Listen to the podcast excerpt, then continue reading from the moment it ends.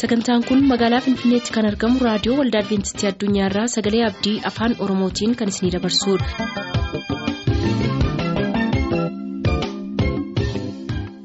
Jaalalaaf nagaan waaqayyoo bakka jirtanitti isiniif haa baay'atu kabajamtoota dhaggeeffattoota keenyaa nagaan keenya inni kabajaa bakka jirtanitti isin haa qaqqabu. Jalqabbii sagantaa keenyaa hawwiidhaan akka eegaa jirtan hin abdanna. Maarreenus kunoo sagantaalee adda addaa qabannee dhiyaanneerra. Amma xumura sagantaa keenyaatti nu waliin tura. Sagantaa maatii keenyaarraa jalatti nu faana turan affeerraa keenya.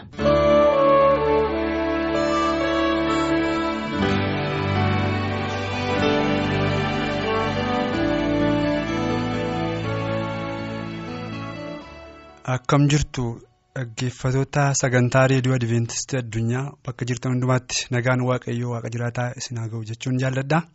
Guyyaa irraa qabannee kan dhiyaanne mata duree sagantaa maatii jedhu jalatti gaa'ilaaf maatii kan jedhu walii wajjin ilaalla. Sana dura garuu iddoo jirrutti mataa keenya gadi qabannee waaqayyoo karaa hundumaaf haala hundumaa keessatti akka nu gargaaruuf hin kadhanna. Barabaraan mootee waaqaaf lafarratti kan jiraattu. Abbaa waaqa hundumaa gooftaa danda'a jabaaf arjaa garraamii kan taate nu ijoollee kee yeroof bira dabarsinee jiraannee har'a keenya keessatti gargaarsi abbummaa keef waaqummaa keenya wajjin ta'e guyyaa keenya keessaa guyyaa har'aa keenya akkas galateeffannuuf waan nu gargaarteef maqaan kee galateeffamu yeroo kana immoo sagantaa qabannee dhiyaanne kanaan akka eebbifamnuuf nu gargaari hafuurri kee qulqulluun nu wajjina ta'u keessi keenya immoo dubbii keenya jijjiiramee ija godhannee. Ofiis kan itti eebbifamnu namoonni sagantaa dhagaanis ittiin kan eebbifaman akka ta'aniif ayyaanni kennuuf haa baay'atu qalma kee gooftaa yesuusiin ameen.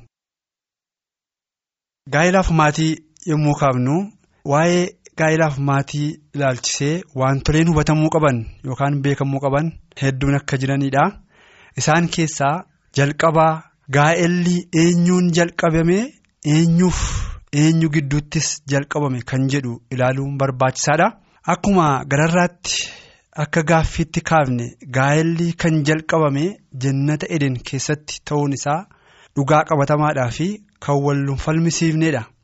Seeruma boqonnaa lama lakkoofsa kudha saddeet dabarree digdamii tokko amma digdamii afuriitti yommuu dubbifnu waa'ee isa kanaa gooftaan iddoo sanatti gaarii godhee nu ibseera. Addaamiif Hewaan akkamittiin akka isaan walitti dhufan waaqayyo akkamittiin akka tokko isaan godhe jireenya isaanii immoo akkamittiin akka eebbise iddoo kanatti gaarii goonee argina. Kanaaf egaa gaa'elli kan inni jalqabame jannata eden keessatti ta'eetu nama lama gidduutti kan inni jalqabame nama lamatu dhufee nama tokko ta'ee maatii ijaarratee gaa'ela dhaabbateetu maatii ta'ee waamamee jechuudha.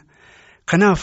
Eenyuun jalqabame isa jedhu immoo yommuu dabarree ilaallu gaa'elli jalqabaa waaqayyoon dhaabame waaqayyoo gaa'ela kana akkuma amma dubbanne addaamiif yoo waan gidduutti dhaabee inni eebbisee tokko isaan godhee walii wajjinis jaalalaaf nagaan waliigalteedhaan akka isaan jiraatanii namoota kana waaqayyoo walitti fidee jechaadha.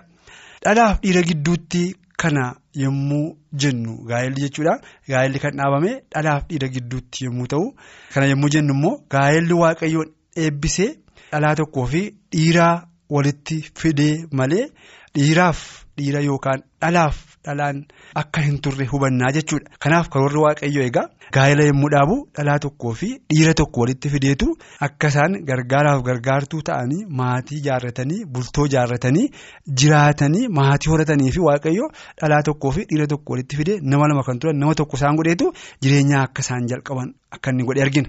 Egaa yaada waaqayyoon alaa gaa'elli raawwatamu yoo jiraate akkuma amma kaafne jechaadha. Karoorri waaqayyoo fi yaadni waaqayyoo dhalaan tokkoof dhiirri tokko walitti dhufee gargaaraaf gargaartuu ta'anii mana ijaarratanii bultoo ijaarratanii akka isaan ijoollee horanii eebbifamanidha karoorri waaqayyoo. Gaa'elli yaadaaf karoora waaqayyoon ala dhaabbate egaa gaa'ela eebbifamaa akka inni hin taane yookaanis immoo yaada waaqayyoon ala akka inni ta'e argina. Kana jechuun maal jechuudha tarii dhiiraaf dhiira gidduutti dhalaaf dhalaa gidduutti kan ta'e yoo jiraate gaa'ela kan hin eebbifamne.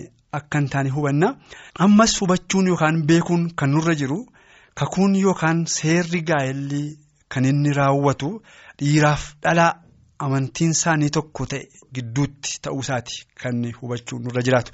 Amantiin tokko ta'uutu irra jiraata gaa'ela dhaabbachuu yookaas immoo mana ijaarrachuu keessatti sababiinsaa booddee rakkina uumamu maatii gidduutti yookaan gargaaraaf gargaartuu gidduutti rakkina uumamu hambisuudhaa fi utuu gara gaa'ilaatti hin seeniin fuula dura amantiin warra walitti dhufanii kun tokko ta'uu kan cimuuf jabaachuun amantii isaanii irratti walii galuun bultoon isaanii jaalalli isaanii kadhannaan isaanii tajaajilli isaanii akka hin eebbifamuu fi isaanii tokko ta'uun akka irra jiraatu nu yaadachiisa.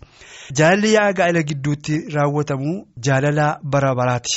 Kakuun guyyaa gaa'elaa raawwatamus kakuu namoota lamaa fi waaqa gidduutti raawwatamuudha. Jaalalli gaa'elaa gidduutti raawwatamu jechuudha.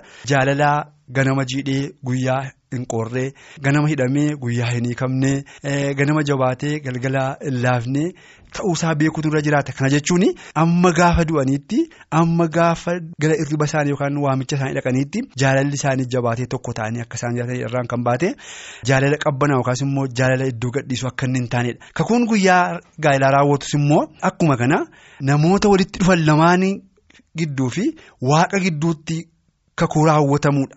Kakuu raawwatamuudha. Gaa'elli kan inni jabaachuu danda'u immoo jaalalli dhugaan iftummaan wal danda'uun walii galteen walii yaaduuf walii ho'uun wal danda'uun yoo jiraate duwwaa ta'uusaa beekna. Gaa'elli tokko dhaabbatee kan inni jabaachuu danda'u kan inni cimuu danda'u kan karaa hundumaa isaan eebbifamuu danda'anis isaan gidduutti gargar bu'uun hin jiru yoo ta'e jaalalli. Cimaan yookaan gubaan jira yoo ta'e wanta hojjetaniif raawwate irratti iftummaan waliigalteedhaan mareedhaan hiikuun jira yoo ta'e hirna isaanii immoo walii danda'anii wal baatanii deemuu hin danda'u yoo ta'e jaalalli kun yookaan bultoon kun jabaachuu danda'a. Fakkeenyaaf akkuma sila kaafne gaa'ela keessatti nama lamatu walitti dhufa nama lama jechuun bifa adda addaa guddisa adda addaa amantii adda addaa qomoo adda addaa keessaa walitti dhufanii tokko ta'u kanaaf namni. lama ta'e tokko ta'uudhaan walitti dhufu kun amala adda addaa hirna adda addaa qaawwa adda addaa fudhatee dhufa kanaaf haati manaa yoo hirna qabaatte hirna ishee sana immoo abbaan manaa guutuudhaan yookaan danda'uudhaan wal danda'anii wal jabeessanii jiraachuun barbaachisaadha gama abbaan manaa irra qabutti immoo haati manaa hirna abbaa manaa isheetii dandeessee wal danda'anii wal baatanii bultoo isaanii jabeeffachuu fi cimsachuutu irra jira jechaadha. Jaalalli nuti gaa'ela keessatti waliif qabnu jaalala kristos waldaa kiristaanaa gidduutti qabaachaa ture. Ta'uusaas beekuun barbaachisaadha. Kana jechuun maal jechuudha? Mataan waldaa kiristaanaa akkuma kristos ta'e mataan abbaa manaa immoo abbaa manaatii jedha. Kanaaf kristos akkamittiin waldaa kiristaanaa jaallate? Jaammaa eessa ga'utti? Jaalalli waldaa kiristaanaa jaallate? Lubbuusaa amma dabarsee kennutti? Waldaa kiristaanaa jechuun mana isaa yookaan muka isaa otoo hin ta'in namoota waaqeffannaadhaaf gara kiristoositti dhufan namoota lubbuudhaan jiran baay'ee jaallata gara isaatti kan deebi'an yookaan immoo isa kan barbaadanii fi lubbuusaa dabarsee amma inni kennutti argina kanaaf har'as bultoo isaa jabeeffachuudhaaf yookaas immoo mana isaanii caarrachuudhaaf jaalala isaanii cimsachuudhaaf amma dabarsanii jireenya isaanii aarsaa walii godhanii wal danda'uudhaan walii obsuudhaan wal baachuudhaan mana isaanii cimsachuudhaaf waan hundumaa keessatti yeroos ta'e horiis ta'e dandeettiis ta'e waan hundumaa aarsaa godhanii yommuu isaan. Jaalala isaanii walitti agarsiisanii mana isaanii jabeeffatantu jira jechaadha. Sababiin isaa Kiristoos waldaa kiristaanaa jaallachuudhaan kan ka'e lubbuu isaa amma kennutti akka ta'e hin beekna. Har'as egaa erga Kiristoos waldaa kiristaanaa jaalala isaa mul'isuudhaaf jedhee lubbuu isaa dabarsee utuu kennuusaa arginu. Baay'ee jaallachuurraan kan ka'e ofiisaa dabarsee rakkina isaanii dhiphina isaanii qaawwa isaanii cubbuu isaanii yakka isaanii ofiisaatiif baate namoota cubbuun gara du'aatti geessuuf ture. Inni immoo cubbuu kana ofirratti baate jaalala isaaniif qabu mul'isuudhaan kan kooti. Isaanin jaalladha nama irratti tolu jedhee qaama kooti jedhee akkuma inni jaallate har'as gargaartuus ta'e gargaaraan rakkina inni qabu yookaan rakkina isheen qabdu keessatti isheen qaama kooti inni qaama kooti rakkinni isaa rakkina kooti dadhabinni isaa dadhabina kooti. Yoo inni qabaate natu qabaate yoo inni dhukkubsate natu dhukkubsa jedhanii walii yaadanii wal danda'anii rakkina walii isaanii baatanii yommuu isaan bultoo isaanii yookaan mana isaanii jabeeffachuudhaaf. Waliigaltee akkasii uumuun barbaachisaadha jechaadha. Efesoon boqonnaa shan lakkoofsa 20 amma 25tti mi'a dubbifannee ilaallu iddoo sanatti gorsa gaarii nuuf kenna yeroo hundumaa waliigalteedhaan tokkummaadhaan walii danda'uudhaan akka nuyi jiraannudha. Kiristoos waldaa kiristaanaa jaallachuudhaan lubbuusaa dabarsee akkuma kenne waldaa kiristaanaaf akka inni yaada gaarii qabu fedha gaarii qabu guddina ishee jaallatu bal'achuu ishee jaallatu akkasuma nuti mana keenyaaf bultoo keenyaaf.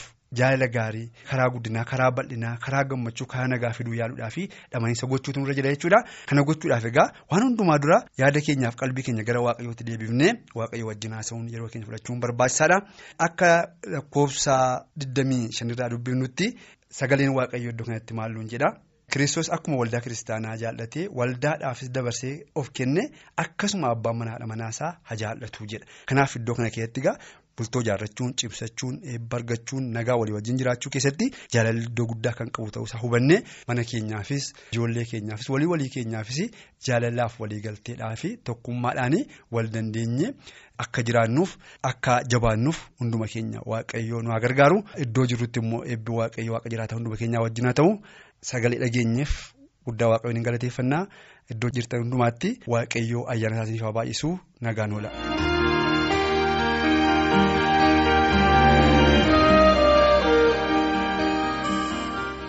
Turtanii kan raadiyoo keessan banattaniif kun raadiyoo waldaa adventistii addunyaadha sagalee abdii. Muuziqaa kanaan gara sagalee waaqayyootti haa dabarru.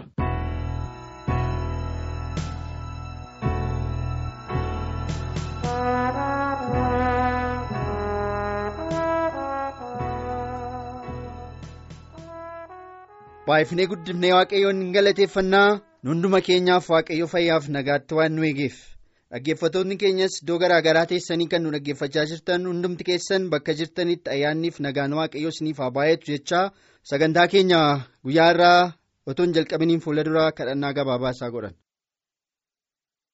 waaqarra kan jiraattu qulqulluudhaaf tolaa jaallatamaa amanamaa abbaa keenyaa si galateeffanna fayyaaf nagaa waan nu laattee hundumaaf amma immoo sagalee kee yommuu dhaggeeffannu gurra lubbuu keenyaa nuuf banii kan nageenyinis akka jiraannuuf nu gargaari maqaa yesuusiin ameen.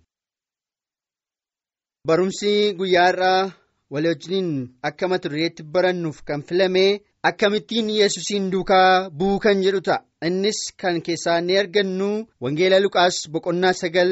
lakkoofsa shantamii torba irra isa jiru maqaa yesuusiitiin nan dubbisa. Utuu isaan karaarra deemaa jiranii namni tokko iddoo kamillee yoo dhaqxe si duukaan bu'a jedhee yesuusitti hime. Yesus immoo waangonni boolla qabu simbirroonnis mannee qabu ilmi namaa garuu iddootti mataasaa hirkifatu hin qabu jedhee deebiseef nama biraa tokkoon immoo na duukaa bu'i jedhee inni garuu haa ta'u yaa gooftaa garuu dura dhaqee abbaa koo akkan awwaalladhu sin kadhadha jedheen. yesus immoo deebisee warra du'an dhiise du'aa isaanii awwaallatanii ati garuu dhaqi mootummaa waaqayyoo iddoo hundumaatti lallabi jedheeni. Ergasii namni biraan tokko yaa gooftaa si duukaa nan bu'a garuu dura dhaqee warra manaa kootti nagaa akka dhaamuuf sin kadhadha jedhe. Yesus immoo eenyullee warra harkaan qabatee gara booddee isaa ilaalaan qota akkasumas namni kana fakkaatu hojii mootummaa waaqayyoo keessatti hin ta'u jedheeni dhaggeeffatoota keenyaa iddoo kanatti namoota sadii argina. namoonni hundi isaanii yesuusiin duukaa bu'uu kan barbaadan turaniiru. Garuu yaada garaa garaa qabaataniiti yesuusiin duukaa bu'uu kan barbaadan. Namni jalqabaa yesuusiin maal jedhe? Yesus utuu inni karaa irraa deemaa jiru iddoo kamillee yoo ati dhaqxe? Ani si duukaa nan naqa iddoo ati dhaqxu iddoo rakkisaas yoo ta'e iddoo kamillee yoo ta'e si duukaa nan naqa yaa gooftaa ittiin jedhe. Yesus immoo maal ittiin jedhee? Simbirroonni mannee qabu waangonnis boolla qabu kan itti galan. ilmi namaa garuu iddootti mataasaa hirkifatu hin qabu ittiin jedhe. Maaliif yesus deebii akkanaa deebiseef namicha kanaaf? Deebii yesus deebiseef keessa isaatti maal of keessaa qaba? Jireenyaan jiraadhu. Jireenya mijataa sitti hin fakkaatin. Ani ofii kootii waanan keessa jiraadhu mana iyyuu hin qabu waanan ta'eef simbirroonni immoo mannee qabu waangonni iyyuu boollatti galan qabu. Ani garuu kana iyyuu hin qabu. Sana jechuun maachuudhaa na duukaa bu'uu sin barbaachisu jechuusaati maaliif yaada namicha sanaa argeera. namichi sun maal yaadee jira? Yesuusiin duukaa bu'uun jireenya mijataa jireenyuma yeroo hundumaa tasgabbii jireenya nagaatti jiraatu fakkaateeti. Duuka buutonni gooftaa yesus kiristoos al tokko tokko garuu rakkinni jiraachuun hin jira bu'aa bahiin rakkinaa bu'aa bahiin jireenyaa baay'ee qabaachuu danda'a. Yesuusii wajjiniin deddeebi'uun. Garuu namichi kun yaada isaa keessatti kana waan tokkoyyuu yaan yesuusii wajjin deemuun yesuusii wajjin jiraachuun yesuusiin amanuun gaafa hundumaa jireenya walqixxaataa jireenya mijataa fakkaatee waan itti mul'ateef garaa namicha kanaa argeera. isa lammaffaatiin immoo maal ittiin jedhe? Na duukaa bu'u ittiin jedhe yesus namicha sanaan. Inni garuu dura abbaa koo dhaqee akka nan awwaalladhuuf achi booddee abbaa koo eega nan awwaalladhee booddee immoo si duukaa nan bu'a ittiin jedhe yesus maal ittiin jedhe. Dhiisi warra du'aa isaanumti haa awwaallataniiti ati garuu kottuuti na duukaa bu'u ittiin jedhe. firoottanii dhaggeeffattoota garaa tokko tokko keenyaa waaqayyo hin arga. Maaliif yesusiin duukaa bu'uu filanne nuyi? Yesusiin duukaa bu'uu filachuun keenya maaliif? Jireenya mijataa barbaanneetii biyya lafaa kana keessatti namoota hundumaa caallee jiraachuu barbaanneetii ee dhuguma yesusii wajjiniin jiraachuun gaarummaafi garuu yesuusii wajjin jiraachuun aarsaa kaffaluus hin barbaada. Kanaaf iyyuu yeroo yesuusiin duukaa bu'uudhaaf filannu aarsaa rakkinni garaa garaa nutti dhufe aarsaa kaffaluu danda'utu nurra jiraata. Kan biraan immoo namichi inni lammaffaa immoo yesuusiin duukaa bu'uuf wantoota dursuu qabu kaa'e duraan dursee abbaa koo akkana waalladhuuf naaf eeyyameen garuu. Maatiyoos boqonnaa ja'a lakkoofsa soddomii sadii keessatti immoo maal jedhaa duraan dursaatii mootummaa waaqayyoo barbaadadhaa egaa tolli hundumtuu sitti isiniif hin dabalamaa. Kanaaf iyyuu nuyi duraan dursinee mootummaa waaqayyoo barbaaddachuutu nurra jira otoo isaan keenyaa keessatti hin dabalin jechuudha. Egaa kan waaqayyoo dursinee booddee inni kan biraan guutuu guutummaatti ittiin dabalama. Inni kan biraanis maal jedhe? Yaa gooftaa si duukaa nan bu'a. Garuu dura dhaqee warra manaa kootti nagaa akka naamuuf sin kadhadha innis maal jechuudha kunis? Ani si duukaa nan bu'a. Garuu harka koosa kan biraatti yookaan iddoo kan biraatti waan kan biraan hojjedhaa jechuu barbaadeeti yesus immoo maal ittiin jedhe. Namni hordaa harkaan qabatee gara booddee isaa ilaalaa qotisa qotuu hin danda'u. Akkanumas namni mootummaa waaqayyoo keessatti galuu yoo barbaade hojii mootummaa waaqayyoo hojjechaa waan kan biraa hojjechuu isaaf hin malu.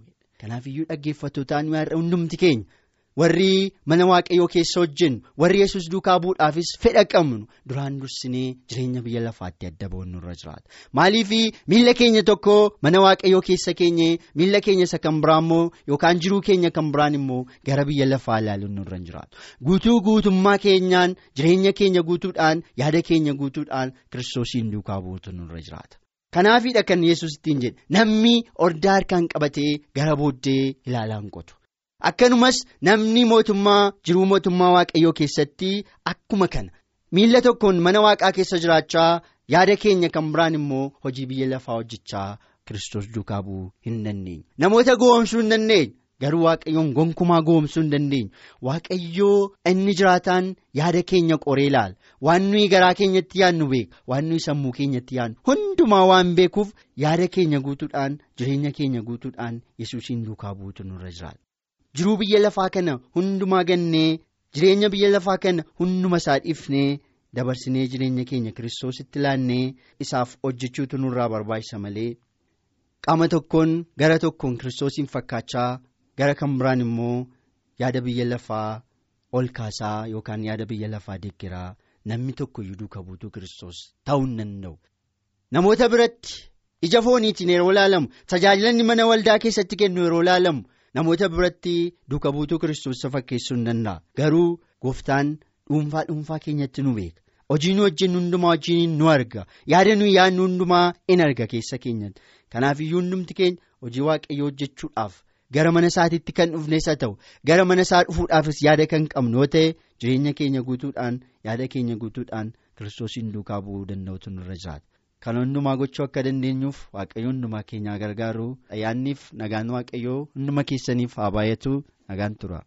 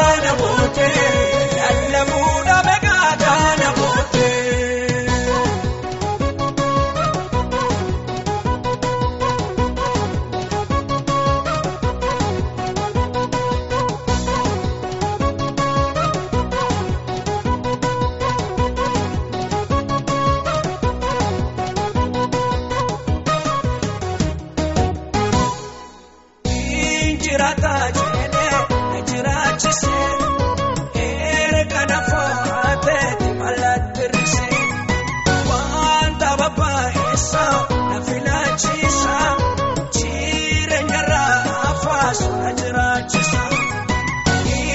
irra faamuu meeqa kana booddee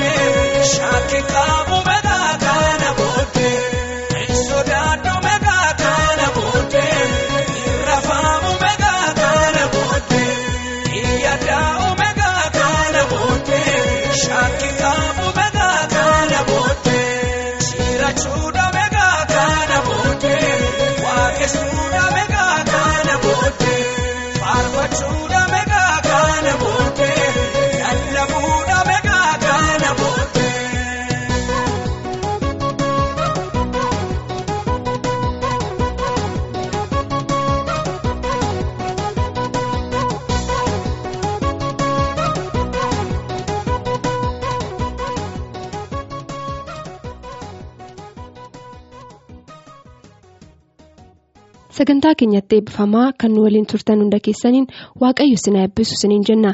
Sagantaa keenyarraa asumaan xumur. Sagantaa keenyarratti yaaduu qabaattan raadiyoo waldaa adventistii addunyaa lakkoofsaanduqa poostaa 455 finfinnee jedhaan barreessa. Raadiyoo waldaa adventistii addunyaa lakkoofsaanduqa poostaa 455 finfinnee.